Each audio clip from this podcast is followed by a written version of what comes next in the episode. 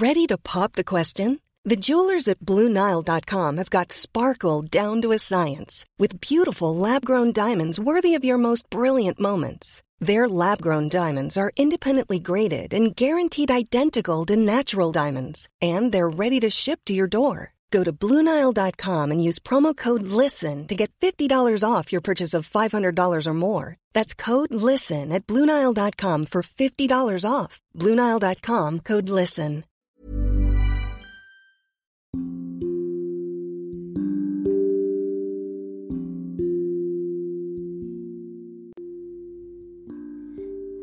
Terima kasih sudah mengunjungi dan hendak mendengarkan podcast Dongeng Tidur.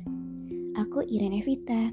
Selama ini, aku pakai aplikasi Anchor untuk buat dan publish seluruh episodeku. Kalian juga bisa loh download dan pakai Anchor untuk buat podcast karena 100% gratis dan bisa didistribusikan ke Spotify dan platform podcast lainnya. Hari ini adalah hari ulang tahun sahabat baikku. Yuyun itu panggilan dariku untuknya. Kebetulan hari ini juga memperingati Hari Kesehatan Mental Dunia. Ada satu dongeng favorit sahabatku, yaitu Bluebird of Happiness. Ceritanya akan membangkitkan imajinasi masa kecil, dan pesan moralnya juga bagus. Bluebird of Happiness ini merupakan naskah drama yang ditulis Maurice Maeterlinck yang memenangkan hadiah novel untuk literaturnya. Ceritanya tentang seorang laki-laki dan adik perempuannya yang mencari burung biru kebahagiaan untuk menyembuhkan seorang gadis kecil. Mereka dibantu oleh seorang peritua di sepanjang perjalanan dari tanah memori, istana masa depan, hingga ke istana malam. Kalau begitu, selamat mendengarkan burung biru kebahagiaan. Semoga lekas tidur dan bermimpi indah.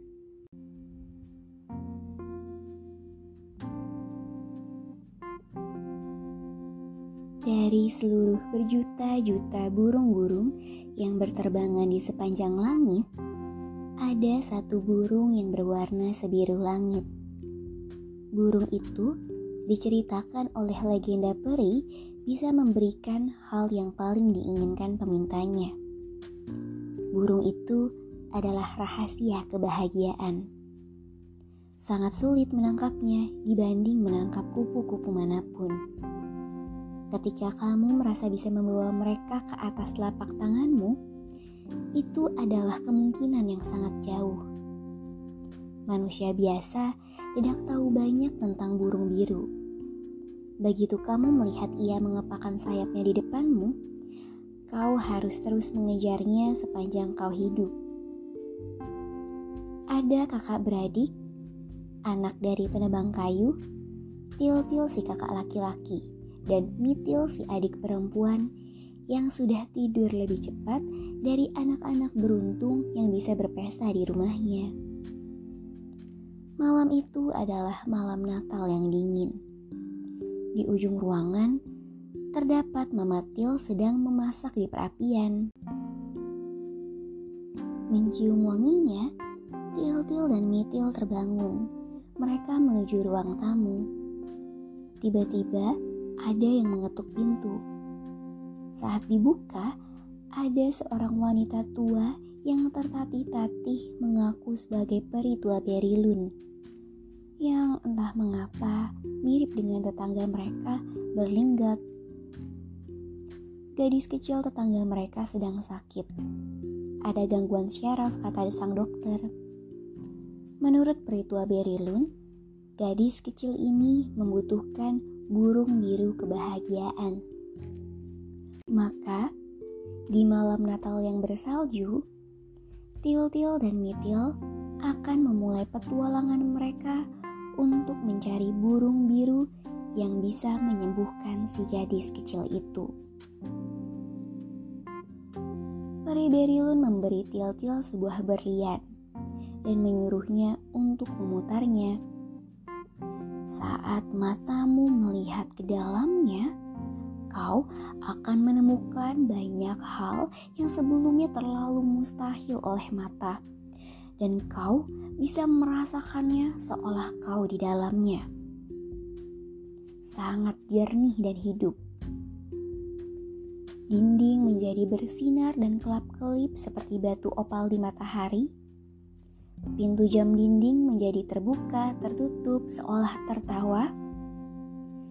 Jarum jam pun menari dengan lincah. Ada pula sang api yang berbentuk pemuda berkarisma yang melompat-lompat keluar dari cerobong asap. Sang air yang berbentuk gadis pendiam menyembur keluar barel seolah menari di pola khusus.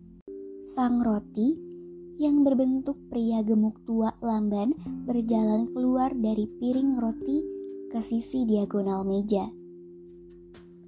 Hingga sang gula berbentuk anak-anak jahil yang hinggap di tangan Tiltil dan Mitil lalu memecah berpencar bak serbu saat Tiltil dan Mitil ingin menjilat gula itu. Kemudian sang susu memiliki rupa gadis dengan piyama putih yang sedang ketakutan. Ia tampak manis dan polos. Pemandangan Tiltil dan Mitil diganggu oleh sang kucing dan sang anjing. Mereka terbangun dari tidur. Sang kucing Tilit namanya. Tampak terganggu, sensitif, dan meraung pelan. Sang anjing, Tilo namanya. Tampak tenang, bersahabat, dan dapat diandalkan. Keajaiban menakjubkan terakhir yang terjadi adalah ketika lampu di atas langit-langit jatuh ke bawah dan kemudian sekejap berubah menjadi sang cahaya. Sosok yang indah yang hanya bisa ditemui di dalam lukisan. Sang cahaya tampak bijak dan teman sejati bagi para anak-anak yang mendapatkan perjalanan yang berani. Kemudian pemandangan itu dihentikan oleh peri Berilun. Ia menyuruh Tiltil dan Mitil segera menemukan burung biru. Maka, peri Berilun menerbangkan mereka berdua melalui jendela dengan sihirnya. Tak lupa, ia meninggalkan bayangan sihir di atas ranjang supaya saat Mama dan Papa Til masuk mengecek anak-anaknya, yang mereka lihat ada anak laki-laki dan perempuan sedang tidur nyenyak di dalam selimut. Mama dan Papa Til melihat kedua buah hatinya terlelap pun masuk ke kamar mereka dan tidur tanpa mengetahui bahwa putra dan putri mereka sedang berpetualangan di dunia peri. Di sisi lain, Til-Til dan Mitil terbang dan berputar, menari melintasi hutan bersalju, ditemani benda dan hewan tadi. Dari atas terlihat pondok kecil yang mereka tinggali, hingga mereka melalui deretan pohon-pohon cemara tinggi yang ditebang sebagai mata pencaharian papatil. Mereka terbang semakin meninggi hingga menembus awan dan tak tampak lagi dari bawah. Kemudian muncul cahaya emerald hijau di depan mereka yang tampak datang dari tetangga sang bulan karena sangat dekat dengan bulan. Namun sebenarnya itu adalah cahaya dari dunia peri. Dunia peri ini terbuat dari lapisan tembus pandang yang terlihat tidak realistis. Sang kucing tampak siap untuk mengkhianati dan menyesatkan mereka kapan saja. Sementara sang anjing menggonggongkan cinta dan kesetiaannya. Sang kucing menginterogasi para anak-anak, sementara sang anjing berjanji akan melindungi mereka. Peri Berilun pun memberi arahan jalan yang akan ditempuh dan peralatan untuk petualangan mereka. Namun, Peri Berilun tidak akan ikut dalam perjalanan ini. Pertama-tama, Peri Berilun mengantar Til-Til dan Mitil untuk memulai petualangan mereka di tanah memori. Di mana dikatakan bahwa mereka akan menemukan kakek, nenek, dan saudara mereka yang telah pergi satu persatu di suatu sore dan tidak pernah kembali. Di dalam hutan berkabut ini, semuanya sulit untuk dilihat, apalagi mengingat jalan mana saja yang sudah mereka lalui. Mereka harus melalui pohon-pohon yang suram dan seram seperti sosok hantu, kabut menari berputar yang membuat bergidik, itu semua adalah hal yang akan ditemui untuk menyulitkan orang-orang yang mencoba menemukan jalan di sini. Tapi Til-Til dan Mitil terus berusaha untuk menghafalnya hingga mereka berhasil memunculkan muka familiar yaitu kakek dan nenek Til. Berikutnya, ingatan lama muncul dengan mudah. Dulu mereka sering mengunjungi kakek dan nenek Til di siang hari di suatu musim panas. Ya, pondoknya angker. Ada semacam tumbuhan menjalar yang tinggi. Adapun sarang lebah, gerbang tua yang kecil, dan di belakangnya ada sungai kecil berliku. Semuanya disinari oleh matahari yang hendak terbenam menyenangkan untuk melihat para saudara laki-laki dan perempuan mereka muncul di ingatan selanjutnya. Keluar dari pondok menuju kakek dan nenek Til. Kakek dan nenek Til menjelaskan bahwa tidak ada dari mereka yang meninggal namun hanya tertidur. Bahwa mereka selalu terbangun, segar dan bahagia setiap muncul dalam ingatan yang hidup Bahkan burung hitam nenek yang disayangi semua anak pun kembali hidup dan mulai bernyanyi di momen Til-Til ingat untuk menanyakannya. Anehnya, burung hitam itu perlahan berubah menjadi biru sebiru marmer kaca biru di tanah memori ini. Maka Til-Til meminta burung biru itu dan membawanya dalam sangkar untuk gadis kecil tetangga mereka muncul hidangan lezat yang disajikan di taman kecil yang cantik. Ada sup kubis dan kue tart plum yang hanya bisa dibuat dengan enak oleh nenek. Meja makan sangat riang dan berisik, sehingga tak enak jika menghentikan keseruannya.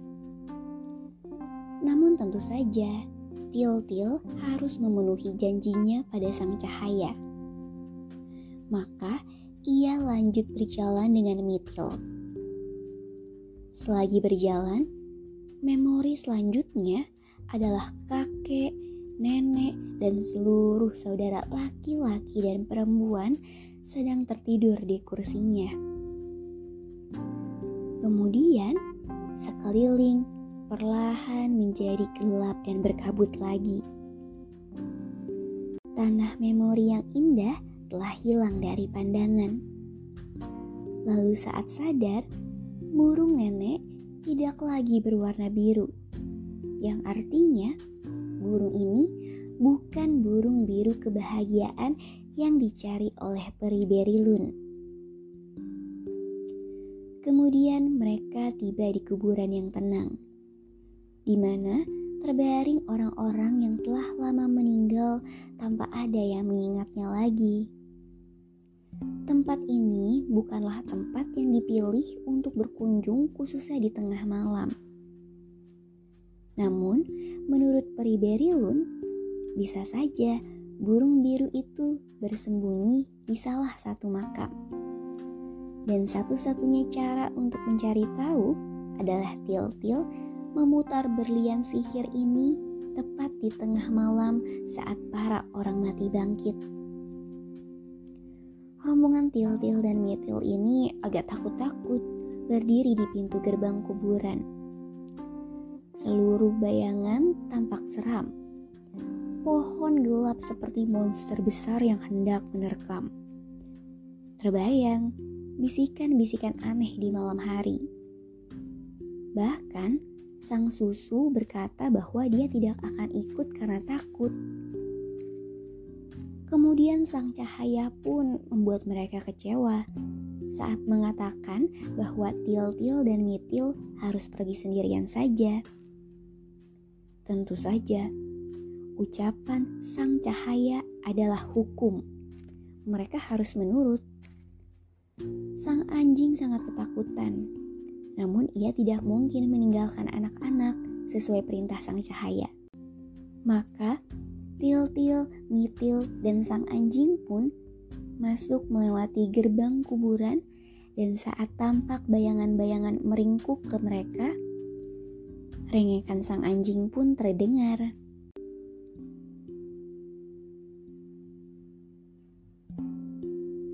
Bagaimanakah kelanjutan petualangan Til-til dan Mitil dalam mencari burung biru kebahagiaan?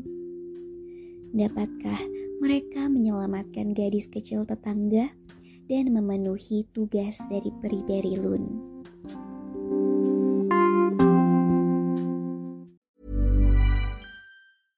Hey, it's Paige DeSorbo from Giggly Squad. High quality fashion without the price tag. Say hello to Quince. I'm snagging high-end essentials like cozy cashmere sweaters, sleek leather jackets, fine jewelry, and so much more. With Quince being 50 to 80% less than similar brands.